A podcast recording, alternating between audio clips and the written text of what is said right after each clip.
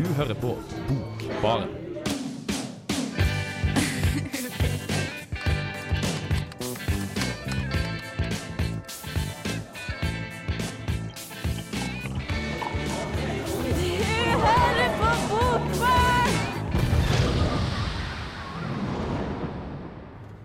Hei, og eh, velkommen til Bokbaren. Um, I dag så har vi Først av alt, først av alt vi har med oss en, en gjest som Ja, aldri har vært i studio før. Det er Du kan få lov til å introdusere deg selv. Unnskyld meg, aldri vært med i studio før. Oi, shit! OK. Det er, det er ganske grov bom. Han har vært veldig mye med i studio, og han er veldig glad i å snakke, har jeg hørt. Ja visst. Fra det mest pratsomme programmet her i Radio Revolt, Filmofil. Ikke sant? Eh, Jeg heter Hans, alle sammen. Hei. Og eh, selvfølgelig har vi med oss Johannes. Ja, hallo. Jeg tror kanskje Filmofil er på en måte antitesen til Bokbarn på når det gjelder prating. Vi er mer sånn sakte, pratende, grublende, mens de er liksom en kakofoni av stemmer. Men Ja, og eh, det passer egentlig ganske bra at vi skal snakke om kanskje eh, litteratur fra det mest brøytende landet i hele verden, USA. Og eh, da er det selvfølgelig vi må snakke om bøker fra den ville vesten. Ja, Den ville vesten. Eh, ja, og det er da Cormac McCarthy. En legende. En legende, en moderne legende. Han lever fremdeles, gjør han ikke? Jo, han gjør det. Han er født i 1933, hvis jeg ikke tar helt feil. Ja. Og um, er da 80 Kan jeg 82 Nei, 83 år nå? Stemmer det? Ja, Det blir det jo. Ja, det blir ingen anelse hvor gammel han er, men han er eh, en gammel mann, da, nå, men han lever fortsatt, ja. og han er, hans tittel har kanskje blitt mest kjent gjennom en film, 'No Country for Old Men'. Mm, mm, mm. Men eh, Hans, du har faktisk lest en god del bøker også av han. Eh, Jeg har lest to. Har du det? Ja, ja, Både The Road og No Country for Old Men. Og eh, eh, før, eh, før vi begynner å diskutere det, så må jeg bare spørre deg. Hva er det som får deg til å ville lese disse bøkene? Er det sånn Er det noe med disse bøkene som gjør de Du blir så, du blir så sugd inn i språket, da. Eh, altså, det er på en måte Det, det er på en måte antites Altså, Jeg leser mye fantasy. Og der er det jo veldig sånn deskript, deskriptivt, sant? Og han lo søtt mens han eh, gikk inn i den grufulle skogen. I Cormac McCarthy så er det liksom Han gikk inn i skogen. Det, det, det, det er så jævla bart, og, og da blir det så jævla um, Du må forestille deg så mye, og, og du skaper deg bilder sjøl, og det er så mye som ligger mellom linjene som forblir usagt, og det er på en måte så nøkternt og fint. Ja, Enig i det du sier. Men det var jo sånn at eh, du, jeg tror du nevnte at eh, McCarthy er en av favorittforfatterne dine. Kan si Altså, altså The, The Road var liksom jeg, jeg, jeg fikk angst av den boken. Det er Ja. kanskje en av de bøkene jeg har lest som har gått mest inn på meg. Kult. Vi skal, det blir bra. Vi skal komme tilbake til det, hva vi syns om å lese McCarthy. Ingen av oss har gjort det før heller, Jonas. Hæ? Ingen av oss hadde lest McCarthy før heller, stemmer? Ja. uh, nei, aldri. Ikke jeg Jeg heller. hadde ikke engang hørt om han. Mm. Men uh, jeg kan se meg enig i at det er litt sånn eh, angstfylte bøker, egentlig. Eller de De, de spirer iallfall litt angst, Mm. på noen måter. Kanskje litt annerledes for oss to, da. Jeg er mer sånn på det filosofiske planet når det kommer til dette, her, men eh, det skal vi snakke mer om etter denne låten. Dette er Halkion Years' av Panda Panda. Hei, det er Pedro Carmona Alvarez. Du hører på Bokbaren på Radio Revolt. Som sagt, Cormac McCarthy er en eh, amerikansk forfatter. Skrevet mye de siste Ikke nåtiden, på en måte, men de siste 30 årene, kanskje. Ja, og så har De siste bøkene hans har kommet i hvert fall på 2000-tallet. The Road jeg, og, og No Country for Old Men tror jeg kommet i 2005 og 2007, tror jeg. Mm. Så han er jo ganske aktiv inntil det siste. da. Og eh, Um. eh, som alle andre forfattere så lever han størst gjennom bøkene sine, egentlig. Jeg har prøvd å finne noe ut om han, lese litt om han. Men det er ikke så mye spesielt å si om selve forfatteren, livet hans og sånne ting. Eller? Det er et godt poeng, for at han er veldig mediesky. da. Han er, så eh, I større grad enn de fleste forfattere vil jeg si, har han unngått rampelyset og på en måte holdt seg for seg sjøl. Jeg tror han sånn, kanskje sånn, noen få intervju, bare. Blant annet et eh, litt rart han ga et intervju med Oprah Winfrey for noen år siden. så en TV-intervju. Altså, hun er jo en av de største bokklubbene i verden. Ja, det, ja, ja, ja, for at han var med i altså han, ei bok av han, The Road, tror jeg. Ble eh, med i bokklubben i stad. Men det er faktisk eh, Det er faktisk jævlig interessant det at han er så mediesky. For det, at, det betyr at spesielt i denne boken her Det er For det første så er det han har tre sitater på begynnelsen, og så har han en epilog. Som basically ingen noen gang har forstått i det hele tatt. For at han nekter å snakke om hva det betyr. Mm. Det, det har nesten ingenting med boken å gjøre. Altså Denne boken her handler jo om Det ville vesten, og så er det ett sitat fra en sånn eh, tysk mystiker fra 1500-tallet. Som snakker om litt sånn Som på en måte gir et tema av mystikk da i begynnelsen, men som ikke har noe gjennomgang i boken. Ja. Og da stiller man selvfølgelig spørsmålet hva mener han? Mm. Nei, men Det er veldig interessant med det med bakgrunnen hans. Jeg kan si litt om Han ble født i 1933, som vi sa, i Rhode Island, men som fireåring så flytta han til Tennessee med familien. da. Og Mye av det handlinga i bøkene hans foregår i sånn, det er jo sørstat. Sørstatene, sant? Det er sånn sør, sørstatsgotikk, som det kalles. da, Mm. Som vi skal komme mer tilbake til senere. det begrepet. Men um, han flytta dit og mistrivdes på skolen, har jeg lest. Så han, på en måte, hadde, for han hadde så mye andre interesser. enn bare, Han var jo kjempesmart fyr, men han bare hadde all slags rare interesser som Altså, ingen andre unger hadde. du kan og, ikke og, det, og det han liker best, er nå da, i voksen alder, er å henge med vitenskapsmenn, faktisk. oh, ja, oh, ja. Uh, Han er kompis med en sånn eh, biolog som har spesialfelt hvaler. Så han er en veldig rar fyr. Og så ja, så, mm, vil han ikke gi noe intervju og ikke um, Han har ikke noe omgangskrets med litterære altså forfattere og sånn. Bare, bare mm, ja, Skikkelig underlig fyr. Og det er jo Det er vel kanskje eh, viktig for Altså, jeg vil si at når du, når du tvinger deg selv til å ikke diskutere litteratur og sånne ting før du begynner å skrive, så får du et veldig særpreg i språket. Du får et Du må ta opp det du har lyst til å ta opp, da. Og det er jo noe som jeg tror vi kommer til å snakke mye om akkurat hans måte å skrive på, Mm. som er veldig ikke, Som er ve veldig særegen. Vanskelig. Den tanken har slått meg, som du sier nå, at, for han er jo så særegen. da. Og han vil heller ikke, som du sa, han vil ikke, han vil ikke tolke bøkene sine. og ikke vil han, eh, Han har fått tilbud om å være med på sånne universitetsforelesninger og alt mulig rart, men han vil ikke si noen ting om dem. Men, men, men det som Jeg, jeg syns det er egentlig en ganske kul ting, da. Fordi det, du, det, det det fører til, er jo at du blir tvunget til å ta bøkene kun for seg sjøl. for, for, for eksempel, jeg er jo veldig glad i Game of Thrones. Og det har blitt litt farget av det jeg vet om George R. R. Martin. For han er jo ikke mediesky, egentlig. Han gir jo masse intervjuer og stiller opp masse ting. Og da er på en måte bøkene litt farget av at jeg vet hva slags type person han er. Men idet du overhodet ikke vet hva slags type Cormac McCarthy er, så på en måte står bøkene helt for seg sjøl. Eh, at ingen andre ting siver inn i din oppfattelse av boken. Jeg er helt enig i det du sier, men det, det jeg tenker at uh, det er så uvanlig i dag, da. Som du sier med George R. R. Martin, eller hvordan som helst annen forfatter, Ja, ja, ja. så vil de ha, ofte ha oppmerksomhet, vil ha publisitet for å selge. Mens Cormac McCarthy har bestandig nesten unngått det, tror jeg, sånn som jeg har inntrykk av. Ja, og eh, to ting. Det første er at det som er med når du, det du sa, det er at du kan på en måte du, kan, du får ikke vite noe om intensjonen med boken. Nei, da. sant? Du får ikke vite noe om Det er jo tross alt en person som har skrevet dette, her og han har forhåpentligvis hatt en intensjon med boken. Han vil vise noe med den, men når han ikke sier det, så, så må du tenke selv. Altså, han gir ikke noe tolkning. Han Nei, nei, og noe da- til Og da tvinger han deg til å tenke selv, til å analysere selv, til å se på en måte hva er det denne boken prøver å fortelle meg, hva er det denne boken handler om. Mm. Hva er det den på en måte utforsker, da. Og vi kan jo bemerke det at McCarthy-tolkninga den er blitt ganske svær. Jeg var på biblioteket og sjekka ut som den gode litteraturstudenten jeg òg er. Så har jeg en sånn eh, Nei, det er Cambridge Companion to Cormac McCarthy. Det er sånn eh, bo, hel bok med essaysamling med, med essay om McCarthy. Så han er virkelig blitt hylla som en av de store forfatterne. Også at, og um, drar, eh, som på en måte drar både inspirasjon, og som kanskje ligner på noen annet til store forfattere som Homer og Dante og Shakespeare. Så han har liksom virkelig Belyste denne boken noe? Den her, for Ja. meg. jeg har lest færre to essay, for det var så, var så mange kjedelige. Men, eh, men jeg tror hvis du leser dem grundig og følger med på det, så tror jeg du kan få noe ut av det. Hvis du leser det grundig, for det, det gidder iallfall ikke jeg å gjøre. um, vi skal snakke litt mer om eh, disse bøkene etterpå, men nå kommer det en låt. Dette er 'Sisters' av Tweaks. Jeg heter Erlend Nøttet, og du hører på Studentradioen i Trondheim. Ja, eh, du har lest eh, en bok jeg aldri har hørt om i hele mitt liv.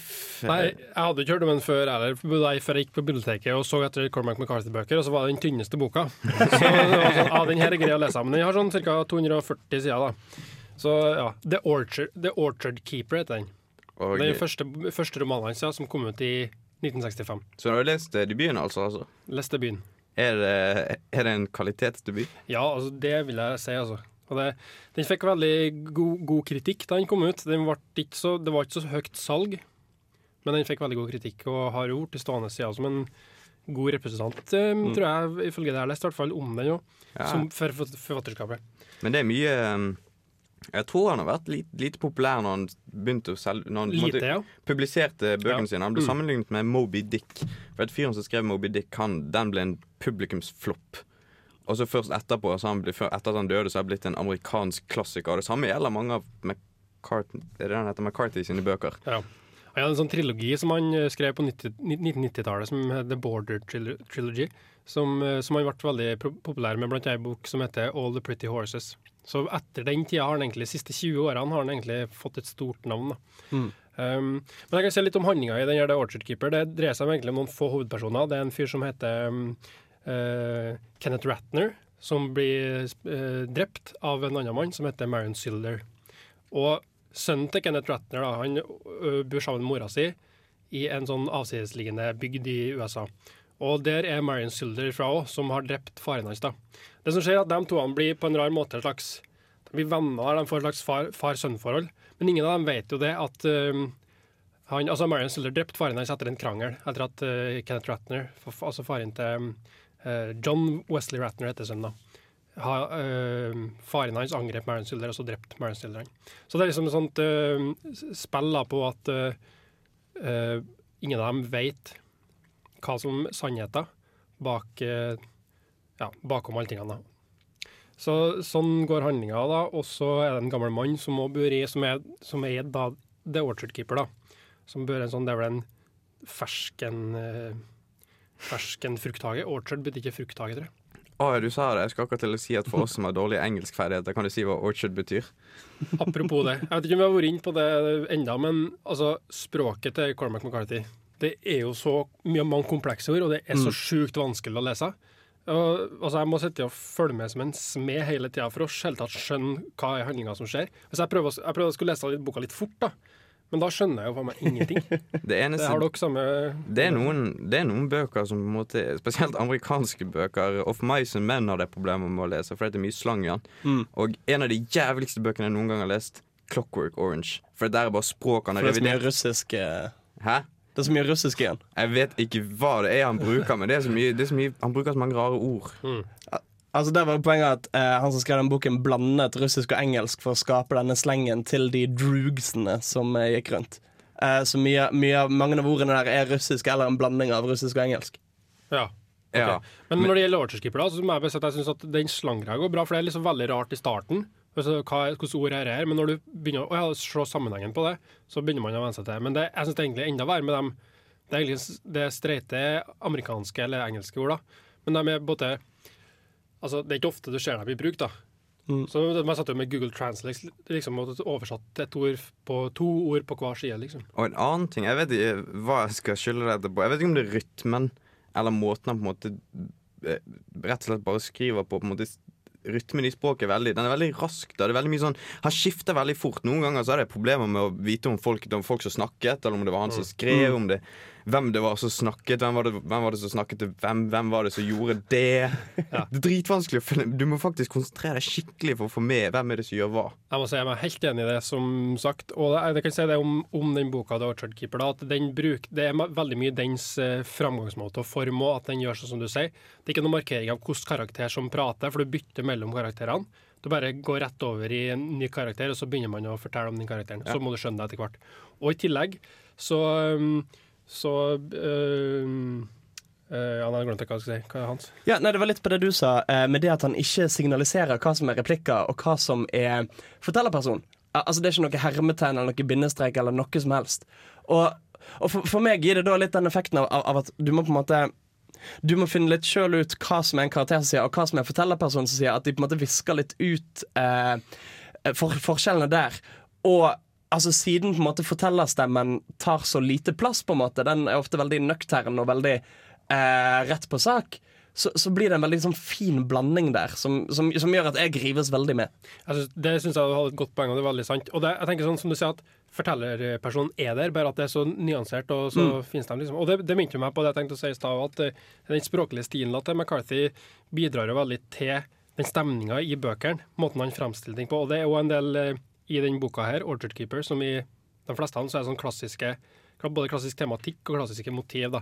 Du har liksom det sørstats-USA-landskapet, med liksom kolde fjell og skoger og, og eh, varmen og sånn. Ørkenen. Og ørkenlandskap, nesten. ja. Og du har liksom eh, Så, så, så det boka her er sett mellom verdenskrigene da, på 30-tallet. Så du har jo sånne veier òg, da. Det er veldig mye av i McCarthy sine bøker. Og vi skal vel komme lenger tilbake til det, men uh, sørstatskritikken med liksom det groteske og det brutale, det er mord, det er nedrighet. Det er, altså han Marion Silder, jeg vet ikke om nevnte det, men han jobber jo som det, Eller jobber jobber. Det han driver med, da, er jo å smugle, smugle sprit. For det er forbudstida. Så- Selvfølgelig. Ja, så alt mulig slags snuskete folk og nedrige folk. Og, og boka tematiserer jo da her da forholdet mellom den unge gutten, som er sønnen til mannen som ble drept, og de her skurkete fyrene og han unge uskyldige gutten som vokser opp uh, i det. da. Ja. Som måtte tape av uh, hans uh, uskyld, da, hvis man kan si det. En ting, en ting på, når- Jeg hadde sånn eh, falske begynnelser på den boken. Jeg måtte lese de første 20 sidene sikkert fem ganger. Og det, skjedde, det skjer så mye. Og det er så, på en måte, Vanligvis når du leser en bok, så bygger det opp mot et klimaks. Du skjønner, her kommer det noe viktig. Og så leste jeg boken, og så først som fjerde gangen så forsto jeg at eh, Sånn fem folk hadde blitt drept fram til da, og de hadde brent ned et hotell. og sånne ting, og det er på en måte det, det er litt forvirrende, litt desorienterende. Det at ting går så De store tingene de kommer så kjapt som de ingenting. De brente ned et hotell, og så banket de opp en fyr som var inne i det hotellet fordi han skulle drepe en av personene i boken. Og det er bare sånn å, det, er bare, det skjedde bare. Måte. Ja. Og det krever på en måte Hvis du ikke gidder å ha noe fantasi rundt dette, hvis du ikke gidder å se det for deg oppi hodet ditt, så får jeg, tror jeg du ikke får noe ut av dette. Jeg kan ikke lese dette her som vanlig litteratur. nesten. Jeg må faktisk leve meg inn i det. Tvinge meg selv til å leve det inn i det og fokusere.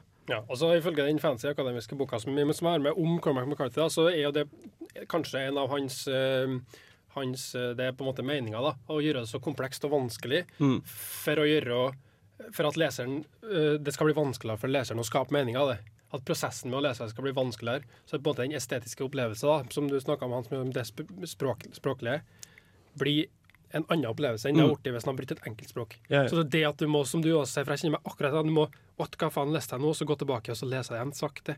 Å ja, du må koble sammen liksom at det blir en egen, egen er- eh, opplevelse. Egen lesemåte. Det er faktisk litt sånn som virkeligheten, hvor du ikke får noe fasit eller noen sånne ting. Ah, ja! Du så den! Du så den. Uh, vi avslutter med det. Nå skal vi høre en låt. Dette er 'Get Me Drunk' av As He Said. Eh, Ja, jeg heter Dag Solstad, og dere hører nå på Bokbaren, og der er altså jeg. Ja, jeg må bare Nå som vi snakket så mye om språket, så er det kanskje godt i Dette eksempelet det er på at sånn, Dette er åpningen av boken, da. Veldig billig ting å lese opp, med. det See the child. He is pale and thin. He wears a thin and ragged linen shirt. Shirt. He stokes the scully fire. Jeg vet ikke hva dere får oppi hodet ditt, men jeg får bilde av en sånn der eh, liten, spinkel gutt. Fattig. Fattig, eh, beat up, lei. På en måte litt sånn Jeg vet ikke, det minner meg litt om Gollum, egentlig. Men det handler om, som vi om i sted, språklig stil. At han måtte et veldig tydelig bilde på så enkelt som det kan bli. Altså bare noen få ord og et par setninger. Eller hva det var. Og Og, ja.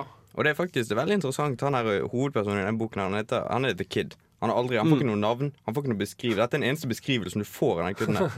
Og det handler egentlig bare om hans reise. Han stikker fra familien sin da han er 14, til, eh, til Tennessee, tror jeg. Ja. Og så er det hans møte med eh, anti sånne der, eh, militære grupper som har lyst til å ta over Mexico før europeerne gjør det.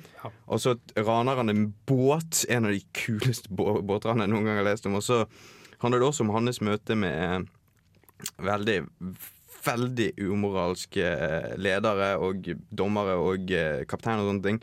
Men det som måtte er veldig fremtiden i boken, det er at han møter noen som skalpeler eh, skalp Jeg vet ikke hva det heter når du, når du Skalperer. ja, skalperer indianere. Og det er på en måte en, eh, en veldig motsetning til det westernsjangeren har vært før. da Den har vært veldig idealisert, veldig idyllisk. på en måte Bare tenk Jeg har ikke noen gode eksempler på god western, men når jeg tenker for meg western, så er det folk som er rettferdige. Folk som gjør det som er rett.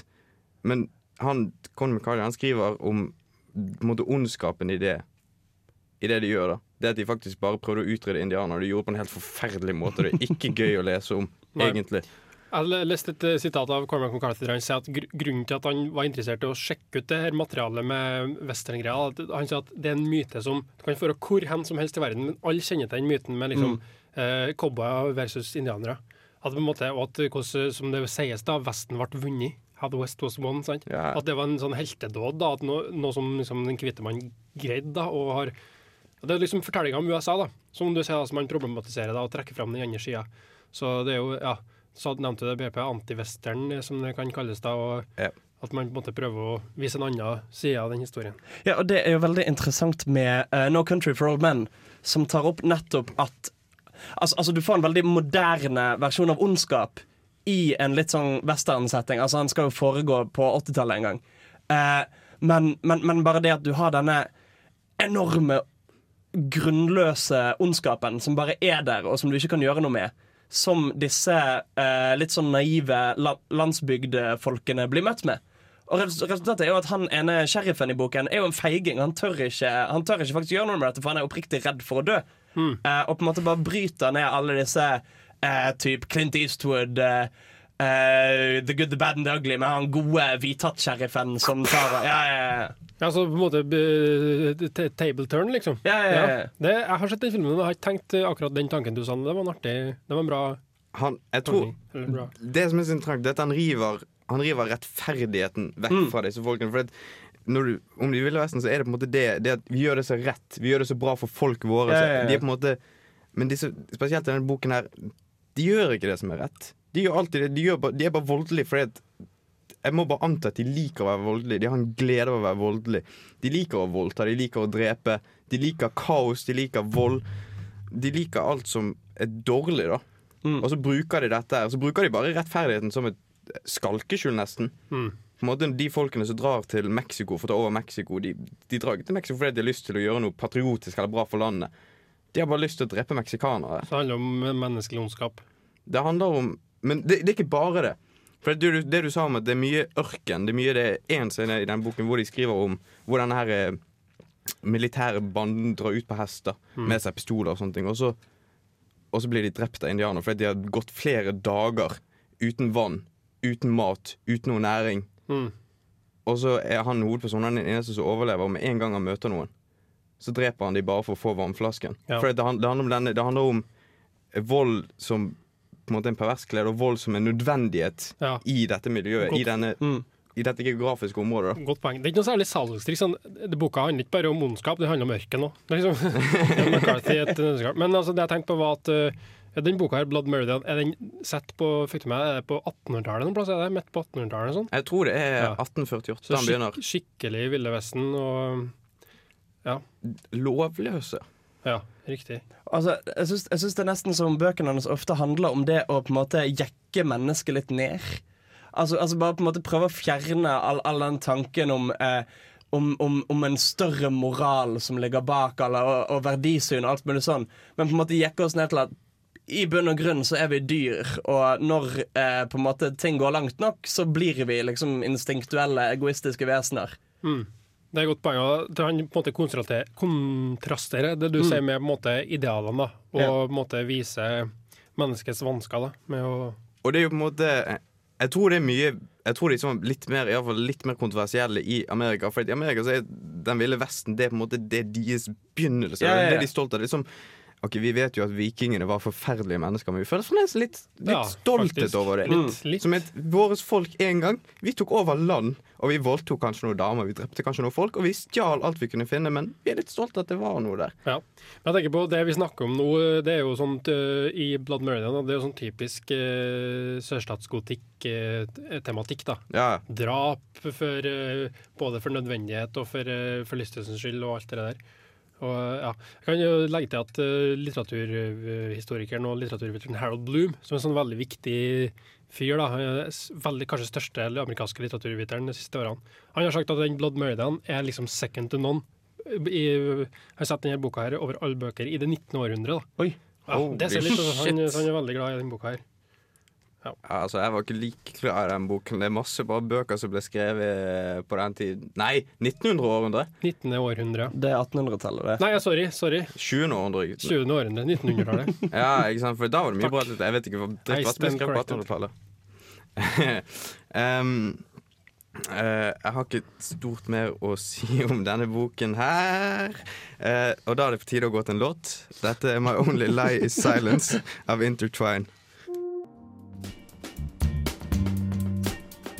Hei, Jeg heter Arild Wange og hører på Bokbaren hver tirsdag for å holde meg oppdatert på hva som skjer i litteraturen her til lands og ellers i verden. No Country for Old Men. En, av de, en av de to bøkene du har lest, Hans. Ja visst. Og eh, Så du filmen først, eller leser du boken først? Jeg, jeg så filmen først. Uh, altså Den kom jo da jeg var sånn 12-13 år gammel. Så du den filmen da når du var 12-13? Ja, ja. Skummelt. Jeg, jeg skjønte ikke så mye av den da, men uh, så har jeg sett den i ettertid, og det er jo en jævla bra film. Jeg syns den var skummel. Jeg tror jeg så kanskje den var sånn for et par år siden. Jeg var sånn par og tjue. Mm. Syns den var skummel da. Ja, men, ja, men Fy faen for en Kødder du? Nei. Har du? Ser du noen skrekkfilmer? Paranormal Nei, Activity? Nei, så ikke så, så ble det ikke akkurat eh, så redd, men det er jo er jævlig creepy stemning i filmen. da Den er skummel på en annen måte. Den Ja. er skummel på en måte som er mye mer virkelig, for den er ekte. på en måte Det er ikke noe super Ja, det er enig. Det er bare Ja. ja. ja, han, er på en måte, han, han, han, er- skummel nesten på en litt sånn skrekkfilmmåte òg. Uh, fordi uh, i No Country for Romance så har jo denne, denne karakteren da, spilt av uh, Javier Badem. Uh, Er det han med Ja, ja, han med bolle, bolleklippen. Som er en sånn leiemorder som bare dreper alle mulige folk med blant annet en svær pumpehagle med en enorm lyddemper på. Han har en sånn her eh, jævla lufttrykkstyrt eh, ting de bruker for å drepe sauer eh, før de skal slaktes og sånne ting. Og, og som bare er en sånn ustoppelig kraft. Som, som, som jager etter hovedpersonen, og som ikke lar seg forhandles med eller kjøpslås med eller noe som helst. Han skal ut og drepe. Og det er jo litt den samme sånn her eh, slasher eh, blir fulgt av et monster-type følelsen, eh, føler jeg, da. Eh, veld, veldig sånn eh, type Friday the 13th, eh, It Follows, eh, den typen filmer der hvor du har et monster som kommer etter deg, og som kommer til å ta deg. Men i dette tilfellet har monsteret bollesveis og pumpehagle. Det er jo ikke noe likere, det. Hæ? Det er jo ikke noe likere, det, se. Men eh, kanskje vi skal se litt om handlinga i den boka og filmen. da Så ikke Jeg husker jeg har bare sett filmen men det handler om en fyr som finner masse penger etter en, en narkodeal, Ja. ikke det? Altså han, Ja. han er ute og jakter, og så, Ja. um, så finner han da masse biler og masse lik. Og så går han for å undersøke og finner en koffert full av jævlig mye penger. Tar den med seg hjem. Så klart. Uh, og så uh, er det en fyr som ikke er død der, da. Eh, som spør om vann, og han bare driter i det og går hjem. Så får han dårlig samvittighet og går ned igjen for å gi ham vann, og da er det noen andre folk der. Og da skjønner han jo faen i helvete, de vil sikkert ha pengene, de. Eh, så så han, han bestemmer seg for at han må rømme, eh, og hele tiden blir han jagd av denne figuren. Ja. Samtidig som du da har en sheriff spilt av um, Å gud, jeg husker ikke hva han heter. Eh, han fra Men in Black. Um, Ikke Will Smith. ikke Will Smith. Hm? Han hvite. Tommy Lee Jones, takk. Um, som, som på en måte er en gammel Altså sheriff av den gode gamle sorten. Uh, med dette gamle verdisynet, som da møter denne ustoppelige ondskapen. Uh, og, og, du, og du får da scener hvor denne fyren, som vanligvis er en sånn gunslinger fra Vesten, går mot et hus, skjønner her inne er han skurken. Han vil drepe meg, og tør ikke gå inn. Han, på et tidspunkt bare snur han og går, fordi dette klarer han faktisk ikke å møte. Og det er en scene hvor han snakker med en gammel sheriff òg. Hvor det altså konkluderer med at dette er ikke den verden vi vokste opp i lenger. Nå er alt fucket. Det finnes ondskap der ute som ikke lar seg forhandle med, som det ikke går an å finne en løsning på annet enn å utslette det. Ja.